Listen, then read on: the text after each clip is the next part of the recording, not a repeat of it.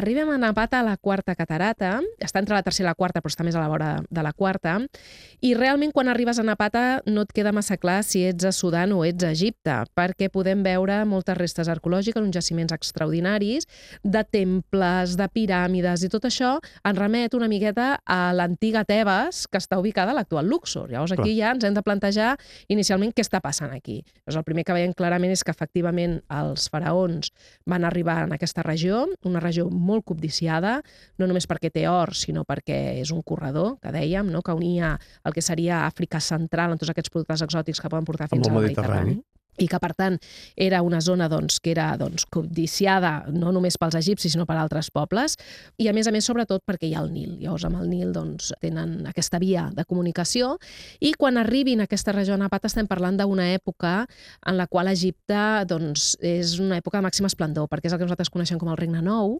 és la dinastia 18. Quan nosaltres parlem dels faraons egipcis, sempre ens venen al cap els mateixos noms. Ens ve sí. el nom de Tutankamon, la Kenaton, la Hatshepsut... Doncs tots aquests són de la dinastia 18, perquè precisament és una dinastia molt ben documentada, molt poderosa, i és precisament aquests poderosos faraons sobirans que diran, escolteu tu, hem d'anar cap al sur i ens hem de fer amb tota aquella terra. I arribaran fins a la quarta catarata i aquesta regió és el que anomenaran Napata. Napata. Napata.